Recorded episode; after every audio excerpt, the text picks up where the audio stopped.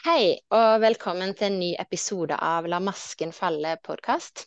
Jeg heter Mai Camilla Munkjord, og dagens gjest er deg, Maja Mikkelsen. Velkommen. Takk. Takk for at jeg fikk komme. Ja, takk for at du ville komme. Jeg kan si litt om deg. Du jobber jo som førsteamanuensis, altså det er navn på en som underviser og forsker ved Høgskolen i Østfold, der du underviser lærerstudentene. Og så har du, bare for å nevne det, en veldig fin konto på Instagram, hvor du deler sårbare, innsiktsfulle og berørende både dikt og fine tekster og bilder som du både maler og tegner. Og før jeg gir deg ordet, så har jeg lyst til å si at vi har en god del til felles. Um, vi er begge akademikere. Vi har begge eh, stillinger i høyskolesektoren, og vi har på en måte alltid vært personer som har jobba hardt, prestert høyt, tatt veldig mye ansvar, hatt vansker med å sette sunne grenser. Og vi har begge hatt, kanskje har vi fortsatt, en del kroppslige symptomer. Jeg for min egen del har fortsatt, til tross for at jeg har jobba mye med mine traumer, jeg har fortsatt tendenser til forstoppelse hvis jeg blir stressa, tendenser til at det liksom det gjør litt vondt i kjevene har liksom noe som heter periodontitt, eller noe sånt, som er liksom, liksom blødende tannkjøtt. Jeg har fortsatt tilbakevendende løs ankel. Altså jeg har fremdeles liksom noen symptomer som ligger veldig latent da, i kroppen, og som kommer til overflaten når jeg blir stressa. Og så er det et par ting til. Det er at vi var også begge to voksne før vi begynte å skjønne rotårsakene til våre symptomer og til våre kompenserende atferdsmønstre da, til vår hastighet og overprestasjon og overansvar. Og stikkord for det vi oppdaga begge to, det er emosjonell omsorgssvikt. Vi kan komme tilbake til hva vi mener med det, og seksuelle overgrep. Eh, og jeg for min del, jeg ble jo utsatt for overgrep av noen ungdommer da jeg var ni og et halvt, og så ble jeg litt senere utsatt for vold og kasta på sjøen en høstdag noen måneder senere. Og det var en sånn episode der jeg trodde jeg skulle drukne. Så det var ganske traumatisk for barnet Mai Camilla. Mens du, Maja, for å gå rett til kjernen, du ble utsatt for seksuelle overgrep utført av din egen bestefar, din mors far. Og dette var minner som du hadde fortrengt frem til for elleve år siden. Og vi skal jo snakke mest i dag om hvordan vi har bearbeida disse barndommens sår og traumer. Annet med å snakke om ulike terapeutiske retninger, primært EMDR, som du har hatt veldig god nytte av, og vi skal snakke om kreativ skriving, som vi har til felles. Men bare for å gå til rette verkebyllen først som Mm. sist. Vil du starte, Maja, med å si litt mer om hvem du er, og så gradvis ta oss til det som du begynte å huske for ca. elleve år siden, da din mann var på jobbreise, og du Ja. var alene hjemme med en toåring? Eh, ja, kan du starte med å si litt mer om meg først? da? Jeg er 43 år. Eh, jeg bor i Halden. Og så er jeg mamma til to barn. En eh, 14 år gammel jente og en to år gammel eh, gutt. Eh, og så underviser jeg da, som du sa, på, i eh, norsk på Høgskolen i Østfold. Eh, også for å si litt da om eh, disse her traumeminnene som plutselig eh, kom eh, for da elleve år sia. Da var jeg jo da litt over 30, eller da var jeg 30 år. Da var dattera mi to år. Da våkna jeg en eh, natt i ett-tida. Jeg var uh, aleine hjemme med dattera mi. Eh, og så plutselig var det et stillbilde i hodet som jeg hadde på en måte sett for mitt indre før, som plutselig begynte å eh, bevege på seg. Så det ble til en film som jeg kunne kjenne igjen som noe som jeg hadde erfart eh, da jeg var liten. Så eh, det jeg på en måte så, da, eh, det var at jeg så en eh, voldsepisode der jeg som barn var vitne til vold. Så det var det første på en måte flashet som eh, kom. Mm. Og jeg vet ikke, lytteren og du har kanskje opplevd å sitte i bil f.eks. Og, og måtte bråbremse. Da kommer det et sånt støkk gjennom kroppen. En sånn sildring, en sånn prikking i, i Mm. kroppen. Eh, og en varmefølelse. Eh, og det var den følelsen som kom. Altså den, det rasla en sånn vond følelse opp og ned gjennom kroppen, Mm. som varte og varte samtidig som den filmen da eh, utspilte seg. Eh, og da husker jeg at det første jeg tenkte var sånn er det å være meg. Mm. Det var akkurat som når jeg da for første gang kom i kontakt med hvordan det er å være meg. Sånn eh, dette, dette er barndommen min. Sånn var barndommen min. Så Mm. den følelsen, da den derre eh, Egentlig fysiske smerten som jeg da kjente på, den visste jeg at jeg hadde opplevd veldig, veldig, veldig mange ganger før, men jeg hadde ikke kjent på det siden jeg var barn. Mm. Eh, det jeg gjorde, eh, det var at jeg sto opp, og så ringte jeg til to personer. Jeg ringte til pappaen min, eh, og så ringte jeg til samboeren min. Mm. Eh, Prata med begge kanskje en sånn 20 minutters halvtimes tid. Og så la jeg meg igjen da klokka to og prøvde å sove. Jeg skulle på jobb dagen etter. Fikk ikke sove noe mer. Mm. Dagen etter så leverte jeg dattera mi i barnehagen, og så gikk jeg på jobb. Eh, og jeg tror kanskje jeg allerede da skjønte at omfanget var større enn bare den ene filmen. Mm. Eh, men jeg tror nok ikke jeg likevel skjønte hvor voldsomt det kom til å bli. Og i de påfølgende dagene da så rasa det jo på med minner. Så det gikk gjerne en halvannen, et halvannet døgn da før neste flash kom. Eh, og da var det Ja, så da Eh, og sånn var det egentlig. Holdt det på egentlig veldig lenge. Det var veldig intenst i starten, men egentlig så tok det faktisk ett og et halvt år før alle minnene mine liksom var hva skal jeg si, ute av Mm. kroppen. Og før jeg følte at nå har jeg oversikt over hele barndommen min. Så i Mm. begynnelsen, når dette kom, så tenkte jeg oi, jeg har to barndommer. Altså, jeg trodde at jeg har to barndommer. En Ja. Fin, og så er det fordi at jeg har jo opplevd barndommen min som fin, og det har vært veldig mye barndommen min som har vært fin.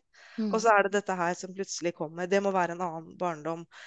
Eh, I traumebehandling så snakker man jo om integrering, ikke sant? Mm, mm. si litt om dissosiasjon etterpå. Yeah. Men, men jeg hadde faktisk eh, dissosiert så mye at jeg da i begynnelsen faktisk tenkte på det som to ulike barndommer. Men så veit jeg jo med mitt rasjonelle meg at det ikke går an å ha to barndommer. Mm. Så, så objektivt så måtte jeg jo på en måte Så skjønte jeg jo at det ikke var snakk om to barndommer, men det føltes sånn. Mm. Ja. Ja. Eh, Føltes litt som at eh, Var det liksom et annet liv, eller bare at det var Oi, jeg må faktisk ha vært liksom Ja. Og hatt to ulike barndommer. Liksom, hvordan var den følelsen av de der to barndommene? At jeg er to ulike mennesker, nesten, eller hva var det? Eh, ja, kanskje. Akkurat som at jeg har vokst opp to Vokst opp hos to forskjellige steder. Eller har, har erfaringer da, som de, de passer jo ikke sammen. Ikke sant? Hvordan passer min eh, delvis idylliske barndom, eh, der jeg har det bra, har gode minner, blir tatt vare på, med det å være så utrygg og redd, da. Mm. Eh, ja. Mm. Så mm, det, det Mm. tok litt tid. Eh, ja. Mm. Eh, Jeg kan jo også kanskje si at eh, det, jeg, at det er flere grunner til at det kom da det gjorde. Eh, Jeg tror det er tre grunner til at det kom da det gjorde. Det Mm. første grunn er at jeg var på et sted i livet. Der er jeg fortsatt. At jeg er, jeg er trygg. Mm. Eh, mamma var død, bestemor var død, og bestefar eh, var også død. Så jeg begynte faktisk å huske fem måneder etter at bestefaren min døde. Mm. Eh, jeg tror nok at jeg kanskje ikke hadde klart å huske det eh, Mm. Dersom han levde, for så skremmende var det. Er det fortsatt. Mm. Eh, så det er den ene tingen. Pluss at jeg da var, hadde fått min egen familie, var, var i et trygt hjem, da. Mm. Så det var den ene grunnen. Den andre grunnen var at jeg noen måneder tidligere hadde skrevet en kronikk som jeg sendte inn til Aftenposten. Jeg fikk bare en sånn impuls. At jeg Mm. ville skrive om det å være pårørende barn. Mm. Eh, for mamma var veldig dårlig eh, Mm. da jeg vokste opp. Hun var psykisk syk. Eh, Mm. traumatisert, selvfølgelig. Det skjønte jeg jo først som voksen, at hun også har eh, veldig mange traumer eh, Mm. som hun ikke fikk bearbeida. Eh, så jeg skrev en kronikk om det å være pårørende barn. Eh, Mm. og så var det akkurat som min egen skriving tror jeg bidro til at jeg plutselig begynte å huske mer. For i den kronikken skriver jeg jo bare om hvordan det er å være eh, pårørende barn. Jeg skriver ikke noe om overgrep, for det huska jeg jo ikke da på det tidspunktet. Mm. Og så var det også en annen ting, og det var at jeg jobba som treningsinstruktør i mange år. Og så hadde vi fått gavekort fra Spenst, eh, der jeg jobba, eh, Mm. til jul. Eh, vi hadde fått idrettsmassasje, altså en time med idrettsmassasje. Og jeg kan jo fortsatt ikke fordra at uh, Altså, det er veldig få som får lov å ta på kroppen min. Ja. Kjenner veldig sterkt ubehag, så jeg ville jo egentlig ikke gå. Men så tenkte jeg at jeg får vel gå, da, siden jeg har fått i gave. For jeg er jo pliktoppfyllende, ikke sant. Ja. uh, og det hun oppdaga, var at jeg hadde veldig stram brystmuskel. At det nærmest hadde liksom låst seg mellom eh, skuldrene og brystet. Så uh, hun jeg gikk til, sa at jeg måtte begynne å tøye. Så sa hun du beskytter hjertet ditt, sa hun. Eh, Mm. du, må, du må tøye, du må åpne opp. Så jeg, pliktoppfyllende som jeg er, sto jeg Mm. dagevis i eh, døra inn til kjøkkenet og så prøvde å, å åpne opp, da. ja. eh, Og tøye brystmuskelen. Og ja, Var det noe som, ja, sant, og da hjalp du òg kroppen til å åpne opp det som kroppen da intuitivt hadde liksom jobba med å beskytte? Mm. Glemme, tror du det? Ja. Ja, jeg tror det. At Ja. Uh, Ja. Jeg Mm. tror at eh, det Det at jeg pusta, fordi jeg har holdt veldig mye pusten hele livet. eh, Det Mm. veit jeg at jeg har gjort. Mm. Mm. Jeg er fortsatt ganske dårlig på å puste, men jeg er litt bedre, blitt litt bedre på å puste. Ja. Ja. Mm. Ja, at du liksom kjenner at OK, nå puster jeg ikke, nå følger jeg pusten inn. Nå, du kan hente pusten tilbake. Ja, Jeg vet ikke om jeg er så god, eh, god på det som du demonstrerer nå, men jeg prøver å i hvert fall være bevisst på når jeg holder pusten. Mm. Mm. Ja. Ja. Nettopp. Tusen takk for delingen. Og da, og da er jo da situasjonen at eh, du begynner å ane at her er det noe mer. Du har Mhm. begynt å se en film, og du aner at det er mer. Em, og så begynner det å komme, som du sier, da, nye flash, altså nye bilder, nye minner tilbake med jevne mellomrom. Kanskje bare et par Mm. dagers mellomrom, eller noe sånn. Og så på et eller annet tidspunkt da innser du at hei, jeg trenger hjelp. Stemmer det? Mm. Hva gjør du da? Eh, jeg innså nok ikke at jeg trengte hjelp, fordi jeg tenkte, som jeg alltid har gjort, at dette fikser jeg sjøl. Eh, dette går bra, det fikser jeg sjøl. Så det var eh, liksom press fra omgivelsene mine at eh, selvfølgelig skal du gå og få hjelp. Mm. Så, og det, jeg skjønte etter hvert sjøl at fordi det ble så voldsomt etter hvert, at jeg skjønte at nå, nå veit jeg ikke Dette klarer jeg ikke å forholde, forholde meg til. Jeg vet ikke hvordan jeg skal klare å eh, Jeg veit ikke hvordan jeg skal klare å stå oppreist. Eh, Mm. Så jeg skjønte sjøl at jeg måtte ha hjelp, og jeg skjønte at jeg måtte ha akutt hjelp. Mm. Så da tok jeg sjøl kontakt med Volvat eh, og fikk time nærmest på dagen. Eh, og hadde flaks. Eh, kom til en traumebehandler som har vært helt fantastisk. Som har fulgt meg og prosessen min i tre år. Mm. Eh, som jeg fikk veldig tillit til med en gang. Og så har vi da eh, sammen eh, bearbeida gjennom det som heter EMDR. Mm. Eh, først og fremst, da. Det har også Mm. vært, eh, vært litt andre ting, men han har jo også eh, Altså, jeg har lært mye om eh, traumer og teorier om traume ved han, at han har eh, tegna og forklart. Altså, jeg har Mm. nærmest fått en utdanning, opplæring, det heter vel psykoedukasjon, Ja. Så ikke det er helt feil. Ja. Yeah. Så for å, å få en sånn få For å få en forståelse. ramme, få en Ja. forståelse, ja, Ja. for Kan hva det ikke- egentlig er. Ja. Ja, kan ikke du for de lytterne som ikke vet så mye om hvordan man kan definere et traume, si litt hvordan forstår du et traume, og så forklare litt om selve denne terapeutiske formen EMDR. Men først, Mm. liksom hvis noen spør deg, ja, hva er, hva er traume for noe, da? Ja, hva er traume?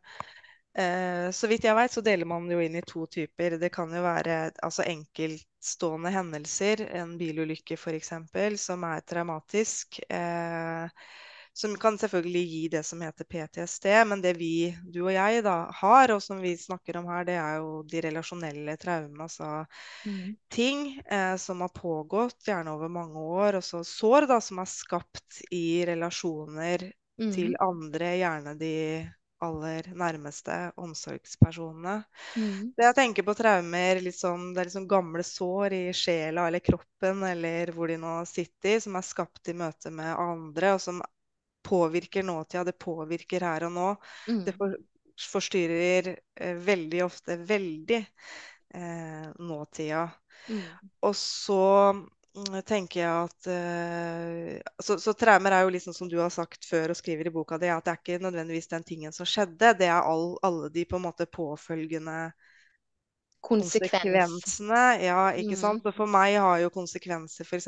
vært at jeg har noe, hatt noen mer eller mindre dårlige strategier for å håndtere alt det her følelseskaoset som jeg ikke har kunnet bearbeide når jeg var liten.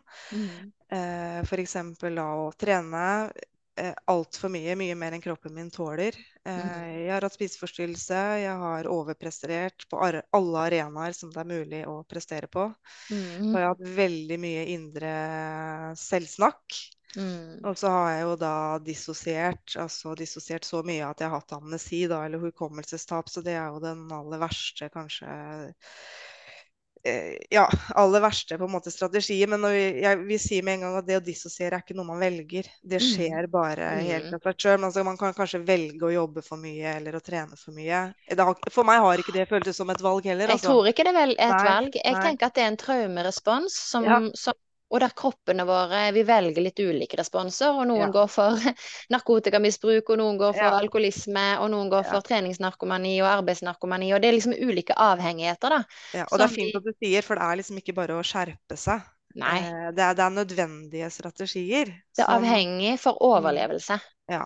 Og så har du da en sånn fin bukett av ulike her, ikke sant, med både, som du sier, overprestasjon, overtrening, spiseforstyrrelse, veldig negativt selvkritisk selvsnakk og dissosiering. Og, eller dissosiering, dissosiasjon kan vi snakke bitte litt om, fordi at Mm. det, det hadde jeg veldig liten kunnskap om sjøl før jeg begynte i terapi. og jeg visste ikke hva det var, og jeg trodde i hvert fall ikke at jeg dissosierte.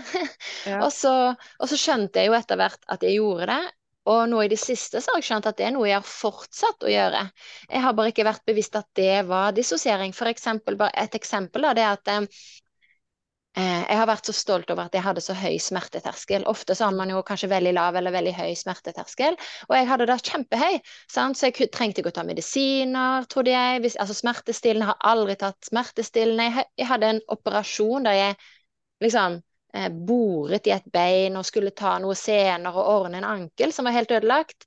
Fikk masse sterke smertestillende. Jeg kjente ingenting, ikke sant? og trodde at det var jo helt topp å ikke kjenne noe, og så videre. Mm. Og da er poenget at nå har jeg skjønt at det er fordi at jeg er på en måte ikke der i kroppen. Kroppen er bare tom, og så driver jeg og, og seiler et annet sted og er ikke i kontakt. Eller jeg er kanskje oppi ned til halsen omtrent, eller ja, jeg er i hvert fall ikke i kroppen. Og bare for å si at jeg også har fortsatt med det, det var Jeg begynte med isbading her i desember, så det er jo ikke mange måneder siden. Og så var jeg så overraska, for jeg, andre folk de drev og strevde med pusten. Jeg strevde ikke med pusten, jeg bare lavgår og svømte disse antall svømmetakene som jeg skulle gjøre. Og så var det en som sa til meg, en terapeut, at har du prøvd å kjenne etter vannet? Kjenner du vannet, liksom? Nei, det, det kom ikke jeg på at det var et poeng. Ja, bare for å si at det der med dissosiering, det kan man bli ganske proff på. Ja, jeg sitter her og liksom humrer litt, og det er ikke meninga å le, men det er fordi det er så veldig gjenkjennelig.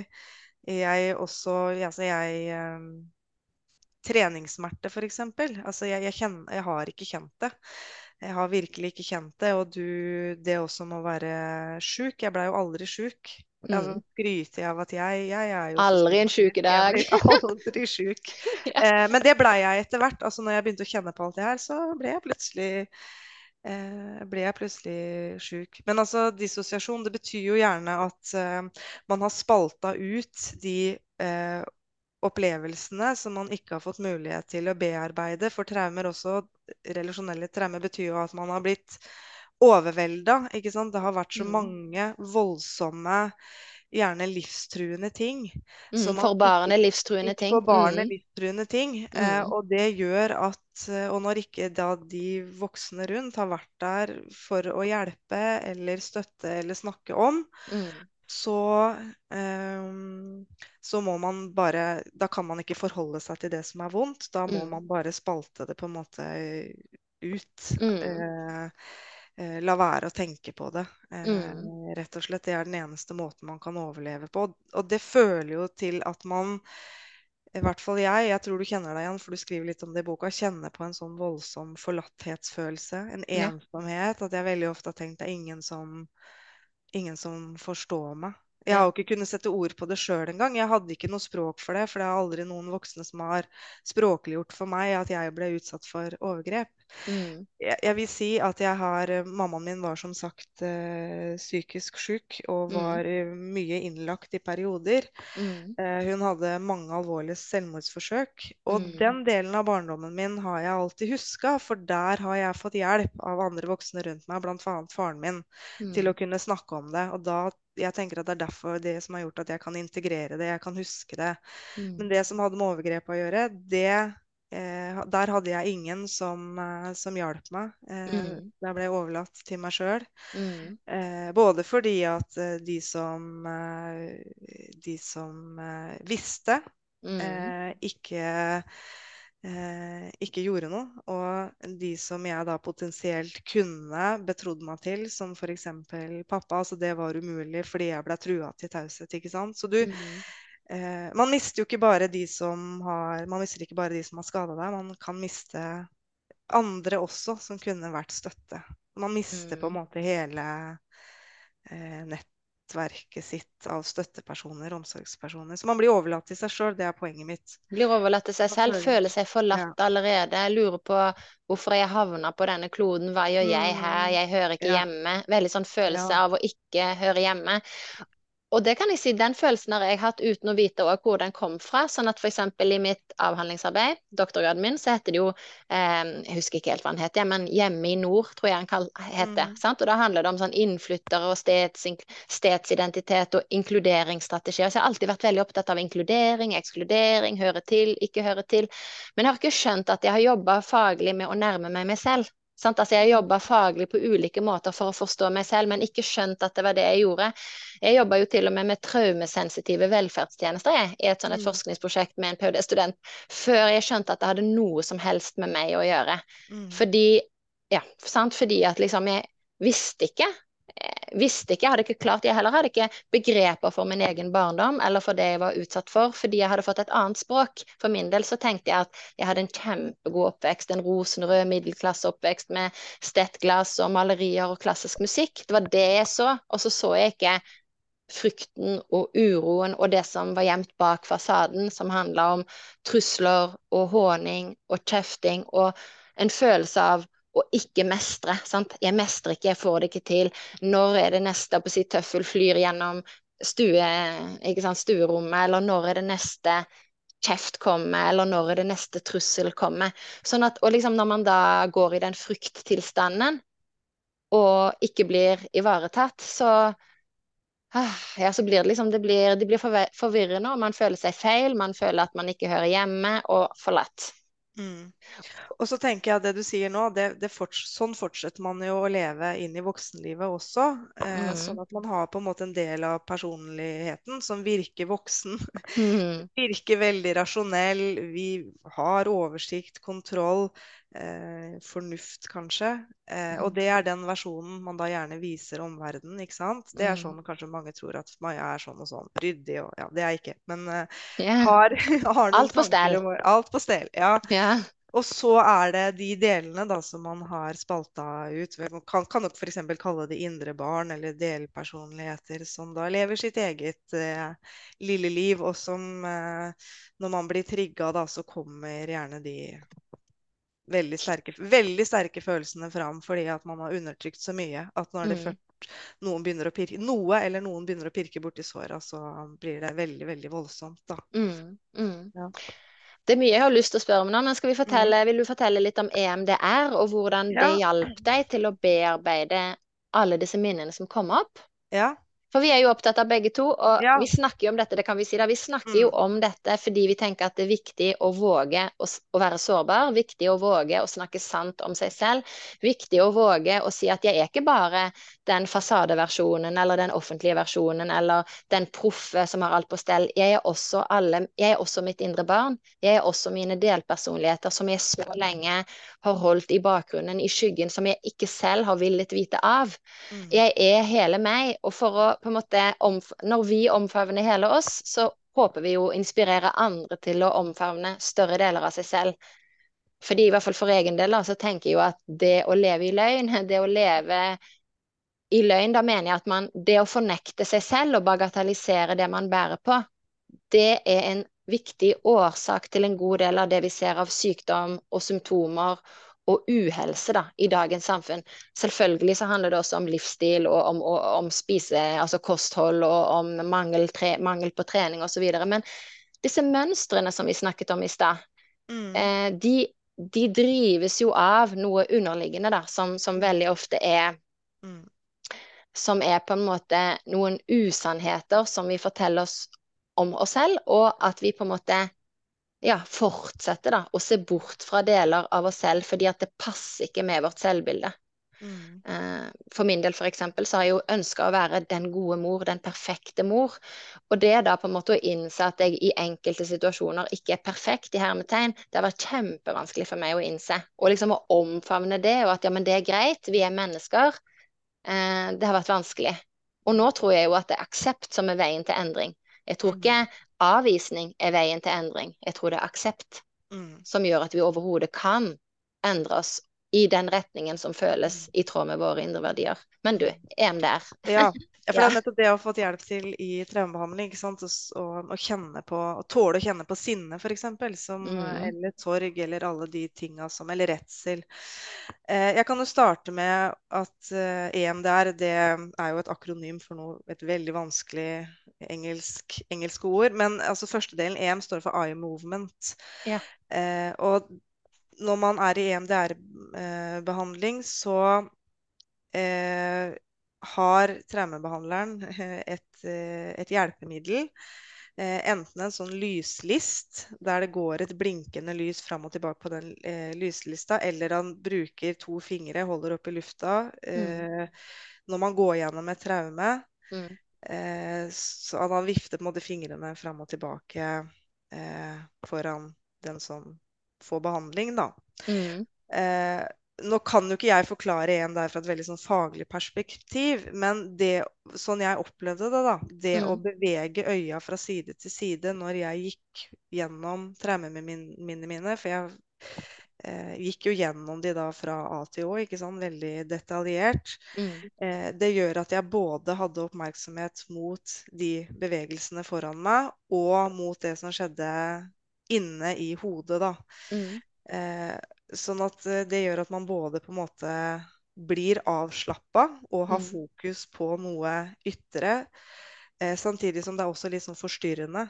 Eh, det forstyrrer traumeminnet litt, sånn at det ikke framstår som så skremmende. Jeg opplevde at jeg på en måte var to steder samtidig. Mm. Fordi når man opplever et flash, f.eks., så kan man gjerne få følelsen at man bare forsvinner inn i minnet. At man er tilbake igjen Ja. i opplevelsen.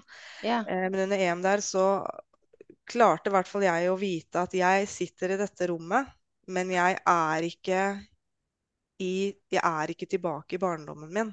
Ja. Og det gjorde at jeg for aller første gang faktisk klarte å kjenne på hva det var jeg hadde opplevd. Mm. Eh, For traumeminner er jo gjerne sånn at man, som jeg sa i begynnelsen, at man bare ser et bilde, f.eks. Eh, at jeg kunne starte behandlinga med å si at jeg har bare en veldig ekkel følelse. Jeg står og ser på en grønn skapdør. Mm. Eh, det gir meg en kjempeubehagsfølelse. Og så ble jeg på en måte Du ble guida inn i det minnet. gjennom minnet. Ja. Eh, og traumebehandleren min sa veldig ofte til meg det kommer det som kommer. At Ja. han, han ga meg tillatelse til å eh, Eller det var både ga meg tillatelse til at det var greit, uansett hva som kom, så var det greit, men Mm. også at det var en, en uh, beroligelse eh, Mm. i forhold til at uh, eh, ja, det kommer det som kommer. Det kommer det som kommer, og det, Ja. som kommer òg, som jeg har vært opptatt av i min traumeterapi, det er å jobbe med meg selv og si til meg selv det som jeg nå er klar til å bearbeide. Ja. Det er det som kommer nå. Det er greit, det som kommer, og det som jeg er klar til å bearbeide, det kommer nå. Jeg tenker et ord når du snakker om denne eye-movementen, Mm. um, og liksom at du både kan være i minnet og her og nå, så er det ordet nærvær. Sant? Mm. Fordi at Eh, ja, ved at øynene dine går frem og tilbake. Det ene er at det kanskje fører til en slags nullstilling, altså som du sier, altså en sånn slags forstyrrelse av, av traumeminnet. Men det andre er rent faktisk nærvær. For det er Mm. jo det som er en av årsakene, tror jeg, til at jeg har hatt så god det, Altså at det gir meg så mye glede, da, og helsebringende. Eh, altså at jeg føler at helsen min blir bedre av å være i meditasjon. Og Mm. av å være Nå driver jeg med sjøbad, men tidligere drev jeg da med utendørs meditasjon. Fordi at da er jeg her og nå. Altså jeg, for eksempel da når jeg bearbeider noe, så kjenner jeg eksempel samtidig vinden da som stryker meg i ansiktet. Eller jeg hører samtidig den måken som er foran meg. Eller jeg ser samtidig på bladene som rasler. Sånn at jeg, jeg tror at det er litt samme effekt. Det var det jeg skulle si. Sånn, det høres ut som det er litt det samme. For det er det, det er kroppslig nærvær, at kroppen min er her og nå. Jeg, som du sier da, jeg forsvinner ikke tilbake i det i Nei. det veldig skremmende som kroppen min nå viser meg. Ja. For at jeg skal forløse og ikke drukne. Sant? Vi vil jo forløses og ikke drukne. Jeg har ikke tenkt på den sammenligninga før, men det er faktisk en fin sammenligning, eh, syns jeg. Eh, og jeg tenker også det er viktig å si at det er en ganske sånn systematisk eh, behandlingsform. Det er sikkert ikke alle som liker at det er systematikk, men for meg så var det veldig betryggende å vite sånn hva hva som skjedde når, at jeg ikke trengte å ta ansvar for behandlinga, fordi jeg har vært i, gått til psykolog og psykiater før også, også før jeg, hukommelsen min kom tilbake. Mm. Og at eh, terapi som er på den måten at psykologen eh, bare skal få deg til å snakke om hva som plager deg her og nå, og så får man et slags ansvar for å være den som sørger for at samtalen har innhold, hvis du skjønner. Ja, ja. Altså, dette her var helt annerledes. Vi, Mhm. jeg ble, blant annet første, en av de første gangene jeg var der, ble bedt om å tegne et kart over alt jeg huska. Mm. Så da tegna jeg Egentlig tegna jeg de to barndommene mine. Det jeg huska som hadde med mamma sine selvmordsforsøk og sånn å gjøre på den ene sida, og så tegna jeg og skrev stikkord. Eh, der jeg plotta inn på en måte overgrep og alt det jeg huska på den andre sida. Så ble det en lang sånn rull, mange ark etter hverandre. Mm. Det gjorde at vi hadde et konkret utgangspunkt, og hvor vi ble enige å starte med de traumeminnene som enten lå lengst tilbake i tid, eller som var aller verst for meg. Nydelig. Det, ja. Det er i tråd med sånn som jeg jobber både i hypnoterapi, Mm. og som jeg også jobber, jobber litt nå i, i OPT. Eller i hyponoterapien så var det også sånn systematisk. Men ja, mm, så systematikk.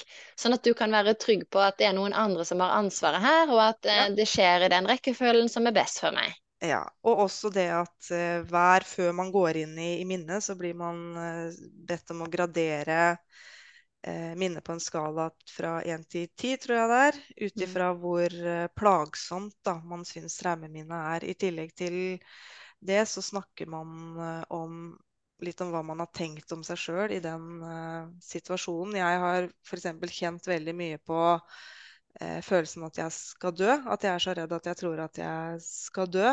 Så Mm. det er på en måte sånn negativ setning som har gått da inni, inni meg, som gjør at jeg kanskje ikke har heller tålt eller orka å forholde meg til traumeminnet. Mm. Så uh, prøver man da å erstatte den setninga med noe som er mer positivt, og som er mer knytta til her og nå, og som er sant nå, og det er jo Jeg overlevde. Eh, jeg er fri. Mm. Så da eh, Så til slutt så klarte i hvert fall jeg å tenke på minnet med liksom motsatt fortegn. Jeg Mm. klarte å tenke Jeg klarte å la være å tenke på at dette jeg. betyr at jeg skal dø, men nei, det betyr at jeg har overlevd. Ja. Det betyr at jeg er her og nå, at jeg er fri. Eh, det betyr Mm. ikke at redselen, kan fortsatt komme tilbake. Eh, jeg har vært veldig redd, f.eks. før jeg skal snakke med deg her i dag. Mm. Eh, men, men jeg klarer også å um, innimellom i hvert fall å erstatte det med mer sånn positive Mm. setninger. Ja. Mm. Mm. Spennende. Er det noe mer du vil si om EMDR? For tiden går så fort, og så har jeg Ja. litt lyst til at du skal fortelle litt om kreativ skriving også. Ja, jeg kan, jeg kan jo si at, uh, at det er en tøff behandlingsform. Eh, det er ikke Mm. sikkert den er for absolutt uh, alle. At det krevde veldig mye av meg også utenfor behandling. Jeg sov Men det tror jeg alltid Ja, at traumebehandling gjør, ja. Maja. Jeg tror det fordi at Ja, men jeg skal gå tilbake til det hvordan det var, men jeg tror, jeg tror at all traumebehandling er ganske tøff, fordi en ting er hva som skjer i behandling, og så skal jo dette integreres. sant? Og man skal mm, tillate seg selv å integrere det. og man skal på en måte, om du skal, hvis, hvis man ser på seg selv som en knust vase, så skal man lime seg sammen igjen, eller ja, sant? Og, og liksom litt sånn Å, herlighet, er det sånn det var? ikke sant? Altså Det er disse, disse falske forestillingene om hvordan det var, må vike, og så må man på en måte integrere et sannere bilde av seg selv. Så ja, bare for å si at jeg tror jeg, er at veld, jeg er veldig enig, altså. Men det, ja, jeg vil bare si det fordi at jeg vil ikke at folk som skal høre på nå, skal tenke at dette må jeg quick gjøre. fix. Eh, Ja. men for jeg er helt enig, all bearbeiding krever jo både mot, og det er, det er beintøft. Eh, så Det er ja. beintøft, men det har jeg litt lyst til å si, men det er Mm, faktisk beintøft å la være, og det ser man ofte ikke. Fordi da vil jeg si at da er man ofte i en sånn sakte lidelse istedenfor. Altså fordi at da går man jo kanskje ned for nedlukking. sant? Man mister stadig flere av ressursene sine, man mister stadig mer glede, kanskje. Man mister mer, altså man mister livsglede, ressurser, talenter, blir mer og mer sliten, blir kanskje lettere først nedstemt, og så deprimert, og til slutt så er man jo bare en skygge av seg selv. Sånn at mm, prisen for å ikke bearbeide, den er jo også veldig høy. Og så til slutt, altså enten da så er man blitt en, eh, en som fortsatt løper så godt man kan i hamsterhjulet, ikke sant, men uten glede, eller, eller man ligger da, om det er med en E- ME-diagnose eller en annen bare generell utmattelse. mm, Prisen er veldig høy for å mm, ikke gå inn i smerten også. Så jeg tenker på en måte at vi skal ikke være så redd for smerte. Det er enormt mye vekst i smerte, og vi tåler det. Fordi mm, når vi går i traumeterapi, så går vi i vårt eget tempo. mm. Og begge ser deler er vondt. Begge deler er vondt. Det er vondt å fortsette å fortrenge. Det er også vondt å åpne opp for, uh, for å få det bedre. Altså, ja.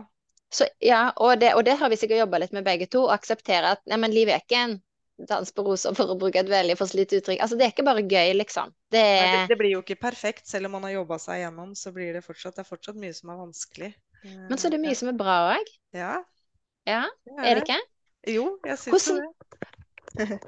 og hvordan føler du det når du skriver tekstene dine, f.eks., eller når du bilder, når du tegner og maler?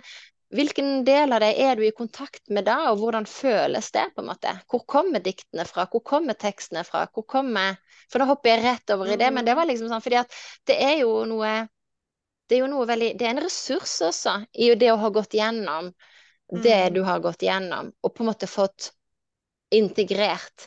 Da er du jo på en måte blitt en ressurs både for deg selv og for andre. Fordi du kan gi håp, du kan gi forståelse, du kan vise sammenhenger. Du kan lyse opp, ikke sant, om det er talgelys eller en fakkel eller lommelykt eller hva du ser på, men du kan vise liksom at det kan føles mørkt, men det må ikke være sånn. Mm. Jeg, jeg tror jeg starta å skrive for å gi meg sjøl håp. Mm, Eh, jeg måtte overbevise meg sjøl om at det var håp. mm, Eh, og så har jeg nok Jeg har alltid visst at jeg skulle skrive. Det har jeg visst siden jeg lærte å skrive da jeg var sju år. Da skrev jeg min første diktsamling i en sånn notatbok jeg hadde. ja. Eh, men fra jeg var 18 til da 2019 var det vel jeg begynte å skrive på Instagram, så har jeg ikke skrevet noe annet enn fag. Mm, så jeg prøvde nok i det lengste å undertrykke at jeg er en som skriver, som er glad i å skrive. Så når du spør meg hvem, hvem jeg er eller hvor du kommer fra, så er det vel at jeg Da leker jeg. Da er jeg på en måte det glade eh, barnet. Mm. Ja, da føler jeg at jeg er den jeg alltid har vært, da. mm. Da Eh, uttrykker du deg. Da uttrykker jeg meg, men samtidig så Ja, hvor kommer det fra? Eh, jeg har alltid fått høre at jeg har veldig god fantasi. Det tror ikke jeg er riktig. Jeg tror det riktige er at jeg har opplevd altfor mye vondt. Så det er Mm, jo der det kommer fra. Selvfølgelig kommer det fra all smerten. Eh, men men nei, det kommer Ideene kommer kanskje i sånne glimt. Kanskje får jeg et ord, kanskje ser jeg et bilde, noe ute i naturen.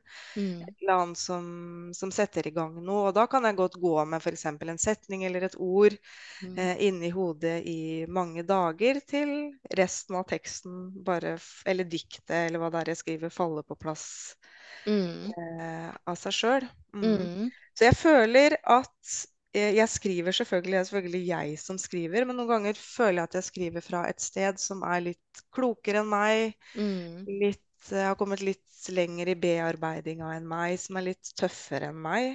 Mm. Eh, så det er eh, eh, Noen ganger, det høres kanskje litt teit ut, kan jeg lese tekstene mine om igjen og bli litt sånn trøsta av, er. Ja, mine egne tekster. Eh, Ja. Det hender. Ja. Ja, det syns jeg er kult. Ja. Er det et jeg syns ikke det er noe rart at det er sånn, fordi at jeg tror at Altså, jeg er litt opptatt av intuitiv skriving i det Mhm. siste, uten at jeg helt har skjønt hva det er, på en måte. Men jeg har skjønt at jeg jobber veldig intuitivt med skriving, også akademisk. Mm. um, men uansett, da. Og da er jo mer på en måte det som jeg gjør, det at jeg om morgenen jeg åpner meg opp for det som måtte komme i dag. Sånn at jeg skriver jo også en del nå på Instagram, bare akkurat de siste månedene. Og da er det da er det det som kommer her og nå. Og så boff, rett ned. Og så av og til tenkte jeg ops, hva var det for noe, liksom? Og av og til så syns jeg at det var fornuftig selv. Oi, det var spennende, så det var inspirerende. Så det er liksom nesten som om det er en diskusjonspartner, da.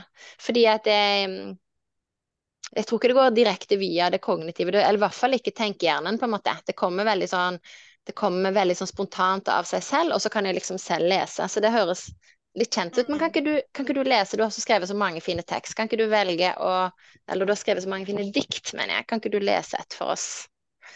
Ja, da kan jeg jo lese det som eh, jeg har kalt for adressebytte. Ja. Mm. I dag reiser jeg og henter det tause barnet i meg. Hun skal få ny adresse. Hun skal slippe å leve blant de vonde hemmelighetene på skjult adresse i seg selv. Fra og med i dag skal hun bo hos meg. Stemmen hennes eies ikke av noen. På dørskiltet skal det stå Her bor hun som snakker. Mm. Det er nydelig. Ja, jeg tenker, for kan jeg, siden vi snakker om det å, å skrives, for du skriver jo også litt om skriving i eh, boka di. Eh, og så skriver du et sted at du er klar over at det du skriver kanskje ikke oppfattes som dikt av litteraturviter, eller at du, du skriver noe om eh, eh, Ja, det var en sånn liten selv, selvkritikk ja, der. Ja. ja, en liten selvkritikk. Jeg kjenner også på den selvkritikken veldig ofte. Altså, jeg jobber jo sammen med litteraturvitere. Mm. Eh, så det å skulle eh, skrive eh, emosjonelle tekster, dikt, personlige tekster når man jobber i akademia, og da Altså, jeg har fantastiske kollegaer, men det var faktisk utrolig eh, utfordrende for meg, for jeg har vært så livredd for hva eh, nettopp folk skulle tenke om det. At veldig mye indre eh, sensur knytta til Mm. det å skulle skrive. For jeg òg vet jo ganske mye om hva som kjennetegner gode tekster. Mm. Eh, men at jeg skriver ikke Jeg kan ikke skrive Jeg kan ikke skrive som akademiker eh, når jeg skriver. Jeg kan ikke skrive som litteraturviter når jeg skriver. Jeg må skrive fra et annet sted som ikke har noe med jobben min å gjøre, eller litteraturvitenskapen å gjøre. Men jeg tenker at det er en energi i Mhm. diktene.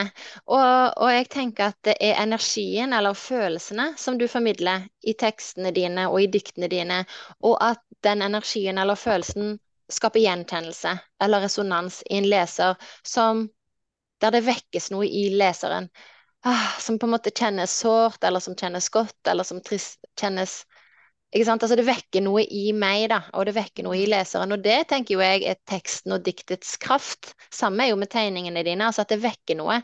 Så resonans Jeg tenker på en måte at det er det som er kvaliteten i din Mm. formidling. Resonans, gjenkjennelse. Og at det ikke, så, det er ikke noe interessant egentlig med eventuelle tekniske vurderinger av, eh, av Sant? Det gjelder egentlig både min tekst din, altså mine tekster og dine tekster. Og det ser en jo òg i responsen. Eh, jeg har fått veldig god respons på mine tekster, og jeg vet at det, du, det har du også fått. Forespørsler om f.eks. fag, liksom at de kan bli gjentrykket opp i fagbøker og den type ting. Eh, hva, ja, men jeg ber deg òg, da. Hva, hva er liksom hovedresponsen som du får? Er det dette med resonans og gjenkjennelse, eller at det treffer en streng i leseren? Er det det som ofte er hovedresponsen, eller? jeg får veldig mange tilbakemeldinger. Det er veldig mange som skriver til meg private meldinger på Instagram. Mm, Eh, enten for at de har lignende erfaringer som meg, eller at de er pårørende til noen med lignende erfaringer eh, med meg. Men så er det også ved mange anledninger at det er fagpersoner altså som jobber med traumer, eh, mm, som spør om å få bruke det i gruppeterapi, blant annet, mm, har det vært brukt. mm. Eh, det har vært brukt i eh, også sånne hva skal vi si, sånne planer, sånne uh, ulike Fag. pla Mm, fagtekster eh, av ulike slag. mm, Eh, en lærebok i seksuelle overgrep fikk jeg annet en tegning på trykk. mm, Og så henger et av dikta mine i Poesiparken i Larvik, faktisk. mm. Og så hender det at studenter, ikke mine egne studenter, det har jeg ikke opplevd ennå, men at andre studenter, altså f.eks. på sykepleie eller eh, andre steder, spør om å få låne tekstene mine i bacheloroppgaver, f.eks. Mm. Ja. Eller Det er jo. Ja. Det er jo kult. Har du planer om å utgi en bok med f.eks. dikt, tekster og bilder? Har du Jeg har, eh, jeg har mange planer. Det har jeg veldig lyst til. Eh, Jeg har lyst til å sette meg ned og sam, altså, Ja, samle det? samle det på en eller annen måte. Ja. Ja. Men jeg har så mange ideer til så veldig mange forskjellige tekster at eh, jeg har nok fortsatt en redsel for å være synlig, skjønner du. Så jeg Ja. sitter fortsatt og holder på veldig mye og tør ikke helt å slippe det. Ja. Jeg har jobba på et romanmanus i sikkert ti år, som jeg fortsatt sitter og ruger på. Som eh, Ja, nå sa jeg det høyt. Jeg Nå sa du det høyt, det er veldig bra. Så nå Ja. venter både det ene og det andre forlaget på at du skal sende det inn. Det er et eller annet med, det er veldig fint at du våger å være gjest her, og gjerne også gjest i andre podkaster. For det er et eller annet med, tenker jeg, at det er viktig å løfte frem autentiske, genuine stemmer som våger å snakke så sant man bare klarer fra sitt eget ståsted, for at andre skal våge å gjøre det samme i sine egne liv. Og at det er håp. Sant? Og Mm. at det er håp, og at man kan bli kjent med sitt indre barn som man så lenge på en måte ikke har hatt kontakt med. En kan bli hel igjen. En kan bli i alle fall stadig helere. Sant? En kan bli den man var før man ble knust. Det er Mm. mulig. Mm. Eh, og den liksom frydefullheten da, som en kjenner når en er i kontakt med seg selv, om det er gjennom skriving eller kunst eller i hvilke situasjoner det er, da, men at man blir bevisst, sant, hva liker jeg? Og at man gjør stadig mer av det man sjøl liker, tenker jeg er viktig å inspirere andre til. Det er så mange som driver og lever pliktløp, de driver med overlevelse. For overlevelse er det jo fint at man overlevde den gang da, men det vil jo være dumt om en fortsetter bare å være i overlevelsesmodus. Jeg for min del prøver i hvert fall å komme i fryde seg over livet. Glede seg over livet. Det er klart at det finnes mye dritt man godt kan henge seg opp i. Men verden blir ikke noe bedre sted av det. Vet du hva du tenker om det? Sant? Altså, verden Jo. blir jo ikke noe bedre av at jeg putter enda flere steiner i ryggsekken, Nei, selv om jeg skal innrømme at det har jeg tendens til å gjøre. Nei, jeg setter av tid i kalenderen til å gjøre ting jeg syns er gøy å gjøre. Det kan være å gå i skogen, det kan være å tegne, det kan være å skrive dikt. Det kan gå, være bare gå og surre rundt i hagen. Eh, Mm. Jeg tillater meg sjøl å ha sånne rom. Det gjorde jeg ikke, gjorde jeg ikke før. Jeg jobber, Mm. jobber mye mindre enn det jeg gjorde Ja. før. Tillater meg sjøl å bruke lang tid på ting. Mm. Eh, tillater meg å leike. Jeg, jeg tror at eh, når man har barndomstraumer, så har man jo på mange måter gått glipp av barndommen sin. Man har hatt så mye ansvar som man ikke skulle ha som barn, at Mm. eh, hadde det vært opp til meg å bestemme, så hadde alle med barndomstraumer fått i hvert fall fem år fri til å bare leike og slippe å kjenne på ansvar for noe som helst. Mm. Eh, ja. Den lekingen, hva liker du å leke? Hvordan leker du? Eh, ja, jeg leker jo med ord. Eh, jeg tegner. Jeg er ute i hagen og lager ting. Bærer, bærer ting. Eh, jeg kan holde på timevis i hagen uten en plan. Mm. Eh, ja, så har jeg fått en toåring. Jeg leker veldig mye med han. Eh, Mm. sitter og pusler. Mm. bygge med Lego. Ja. Men hvis du da klarer å være til stede i leken og like leken, det er jo fantastisk. Mhm. Det er jo fantastisk, for veldig mange voksne er jo eventuelt til nød til stede som et skall i den leken, mens tankene er et annet sted. Mm. Eh, ja, og det har jo ikke så veldig stor verdi for barnet. Nei, og jeg tror det nesten er den største gaven jeg har fått. Og det Ja. er at den urofølelsen jeg kjente på da jeg satt på gulvet og leika med dattera mi for eh, 14 år siden, eller 13 år siden blir det da, Ja. den har jeg ikke nå lenger. Jeg kjenner ikke den der eh, trangen til å måtte gjøre andre ting hele tida. Ja. At, at jeg hele tida er på vei feil sted. Mm, Uansett hvor jeg var, så hadde jeg på følelsen at jeg var på feil sted. Nå mm. kan jeg sitte på gulvet og kjenne at jeg er på helt riktig sted. Jeg skal, skal ingen steder. Det, jeg tåler å sitte her i ro. Ja, det er så viktig at det har jeg lyst til å understreke som gulrot, for vi snakka jo om at det var tøft å gå inn i traumer, og at det òg er tøft å la være. Og hvis Mm. man lar være, så er man faktisk da, da forblir man i denne uroen og i denne følelsen av å være kanskje på feil sted og i feil kropp og ikke til stede, og det, liksom til slutt så er man i overlevelsesmodus og nedstemt osv. Mens hvis man våger da, å møte det som er i sin egen kropp, og be om den hjelpen man trenger, og ta den tiden man trenger, og innse det at kanskje så må man si opp jobben, det måtte jeg en periode, eh, kanskje, man, kanskje er man sykemeldt. Altså det, det har noen konsekvenser da, for måten vi lever i det praktiske livet, men det vi kan vinne, skatten, det er jo denne her tilstedeværelsen, nærværet her og nå. Og det er jo nå vi lever, så egentlig betyr det jo vi kommer tilbake til livet. Mm. Ja, det er det det betyr. Så det er jo fantastisk. Ja. Eh, Jeg har hatt, jeg har ikke vært i stand til å leke med mine barn da de var små. Da hadde jeg uro og måtte ha masse program. eh, Og veldig sånn detaljert program og strukturert program, og fra 10 til 11 og fra 11 til 12, og ikke sant. Det var, det var jeg helt avhengig av. Og nå Jeg òg har gjort veldig mange endringer og bruker jo evigheter nå, spesielt i helgen, men òg i hverdagen, på min meditasjon og mitt sitronvann og min morgenkaffe og min svømming. Men jeg er heldig fordi jeg har en, akkurat nå en fleksibel jobb. Mm. Men, men jeg tror jo òg det handler jo litt om arbeidslivet. Jeg tror jo at arbeidslivet med det der litt sånn rigid åtte til fire ikke egentlig heller passer da for jeg si, traum, oss som har bearbeidet traumer. For jeg kan ikke sitte på et kontor i åtte timer og jobbe hver dag. Men jeg kan jobbe fire-fem timer effektivt. Og så spørs det da, skal jeg da gå ned til 50-60% stilling fordi jeg bare kan jobbe så mange timer? Eller går det an å være fleksibel og se på hva jeg faktisk gjør i de timene? Mm. Og nå er jeg så heldig at jeg er stipendiat der på Ostok, sånn at det er greit. Eh, Mm. folk kan se på hva jeg produserer. Men jeg tenker jo at når jeg følger min egen rytme, så produserer jeg mye mer på de timene jeg faktisk jobber, enn en hva jeg ville gjort hvis jeg skulle hatt fysisk tilstedeværelse i syv og en halv, åtte timer hver dag. Mm. Ja, det gjør jeg også. Ja. Eh, det kan jo si når du nevner det med å være stipendiat. Jeg var jo stipendiat når jeg, jeg gikk i traumebehandling. Og det Mm. var på en måte helt fantastisk fordi man er så fri, ikke sant. Samtidig Mm. så var det jo et voldsomt kjør at jeg skulle komme meg gjennom både da traumebehandling og skrive en doktorgrad. Mm. Eh, men jeg, jeg kom meg gjennom. Men, men etter det så var jeg også Da skjønte jeg at nå må jeg roe ned tempoet. Det er ingen som kommer til å gi meg tillatelse til å slappe av. Så jeg måtte bestemme sjøl at jeg eh, jobber halvt. Mm. Eh, det, det tillater jeg meg sjøl å gjøre. Mm. Mm. Så nå, etter at jeg snakka med deg i dag, det fine er at da har nå jeg fire dager hvor det ikke skjer noe. Eh, Ja. At jeg nå bare kan eh, Nå kan jeg hente meg inn igjen, for nå har det vært to veldig, veldig travle uker på jobb. Så nå Mm. har jeg faktisk den tida hvor jeg kan eh, gjøre akkurat det jeg vil. Mm. Eh, ja. Ja, det er fantastisk. Utrolig viktig, tror jeg, å kunne tillate seg det.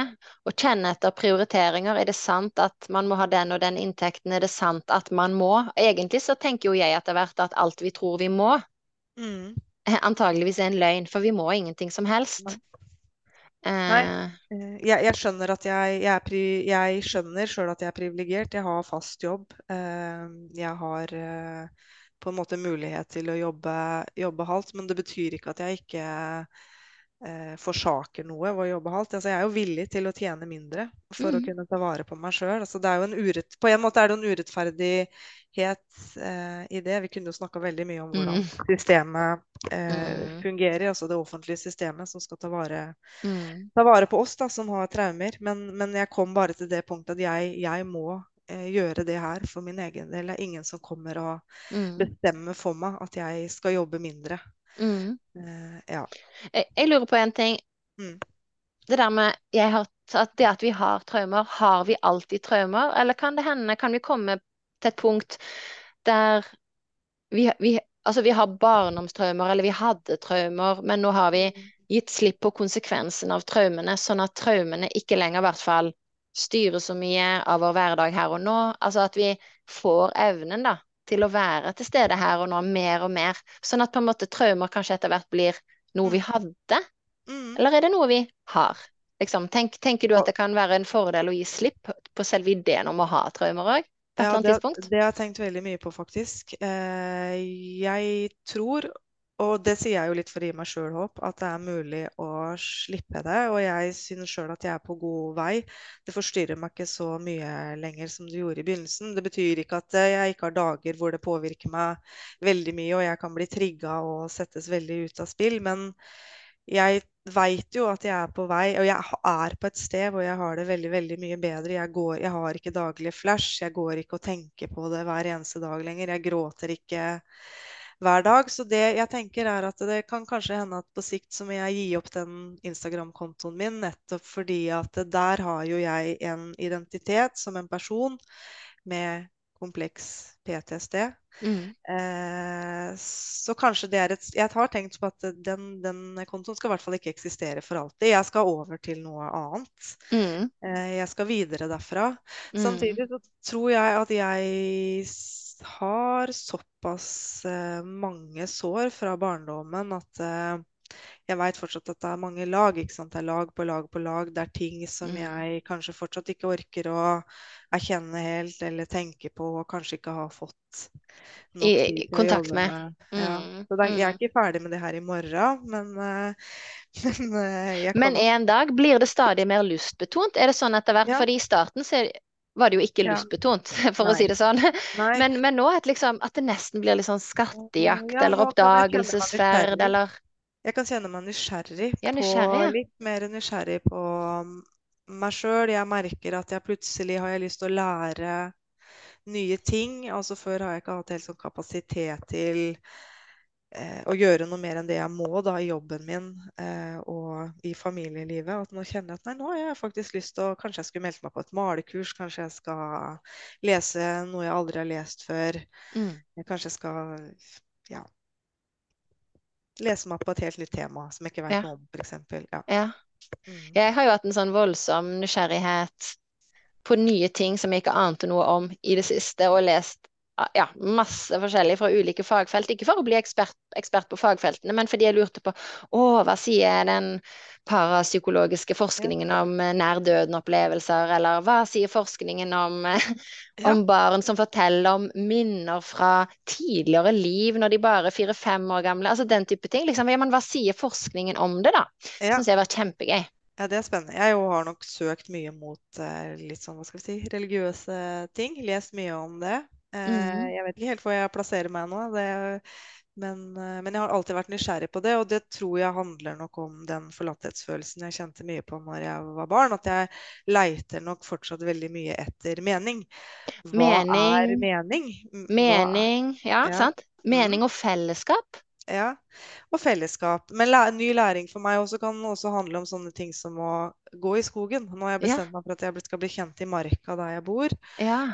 Eh, så Åh, da hadde jeg nesten hatt lyst til at du skulle lese det der bakkediktet ditt. ja, Bakketeksten din. det kan se hende at jeg finner det på Instagram. Da må jeg rote opp Instagram-kontoen. Ja, rot litt på Instagram, og så kan du fortelle litt i, hvis du klarer det samtidig. Ja. Fordi at, for da forteller du liksom at det, du har hatt en periode, dette leste jeg på Instagram, da, så vi har ikke snakket på forhånd, men du har hatt en periode der det var litt skummelt, på en måte. Mm. At du kunne være litt utrygg når du var i marka, og nå gjenerobrer du marka for å liksom føle deg trygg, og for å bearbeide, og for å kjenne fryd og kraft. Ja, Litt sånn? jeg har alltid elska å være i skogen. Jeg var masse i skogen da jeg var barn, men så har jeg også overgrepsminner knytta til skogen som gjør at det er forferdelig skummelt eh, å være der inne. Så det å være på skogstur aleine, det er noe jeg har gjort veldig lite av i voksen alder. Mm. Men uh, nå har jeg vært uh, Denne uka her har jeg vært på fire turer aleine og tre turer, blåbærturer sammen med sønnen min i skogen. Fantastisk. Eh, og lese på kart og ja. Veldig bra. Jeg tror vi, Du får lese den teksten, og så tar vi en liten avrunding etterpå, for nå ser jeg at det er tid for det. Nå gleder jeg meg. ja den heter, det diktet heter Motbakken. Mm. Jeg vil ha motbakken min i fred. Jeg vil kjempe meg oppover, kjenne blodet som pumper, kjenne pulsen som øker, kjenne musklene som spenner seg. Du må gjerne heie, men du får ikke lov å si hva jeg burde gjøre bare fordi du har sett en lignende bakke. Jeg vil løpe, jeg vil skrike og rope, jeg vil forbanne bakken. Forbanne de stumme trærne, forbanne de tause åkrene, forbanne den endeløse veien som akkurat jeg har fått. Og likevel vil jeg ha motbakken min i fred, så du får ikke lov å ta motbakken min fra meg. Det er min bakke. Jeg vil la motbakken min i fred. Jeg vil reise meg når jeg detter. Jeg vil pirke grus ut av skrubbsårene. Jeg vil klore meg fast på stien. Bore ansiktet ned mot røttene. Kjenne barnålene stikkende i håndflatene. Jeg vil krabbe videre med blodsmak i munnen. Oppover og oppover. Du må gjerne heie, men du får ikke lov å si at bakken er lett bare fordi du har gått en lignende bakke. En dag skal jeg stå på toppen, kjenne svetten renne nedover halsen og ryggen. Kjenne hjertet som hamrer, kjenne på det jeg har klart. Kjenne sola som steiker i ansiktet, kjenne at bakken var min, og bare min. Fantastisk. Jeg har lyst til at det skal være avsluttende ord. Er det noe du ønsker å legge til helt til slutt, før jeg takker for samtalen, Eh, Maja? Jeg tror bare at jeg har lyst til å si Jeg har, jeg har ikke lyst til å komme med råd, det syns jeg er en dum avslutter, men jeg har likevel lyst til å si at hvis man kjenner på noe av det vi har gjort, så eh, la noen være vitnet ditt. La noen Ja. få være vitne til fortellinga di, til bearbeidingen din. La noen få følge deg i prosessen. For det trenger vi. Ja. Fantastisk. Tusen takk, Maja, for samtalen og for delingen. Og jeg kommer til å legge lenke til eh, din Instagram-bruker i programbeskrivelsen. Så, eh, og til deg som lyttet, tusen, tusen takk, og på gjenhør.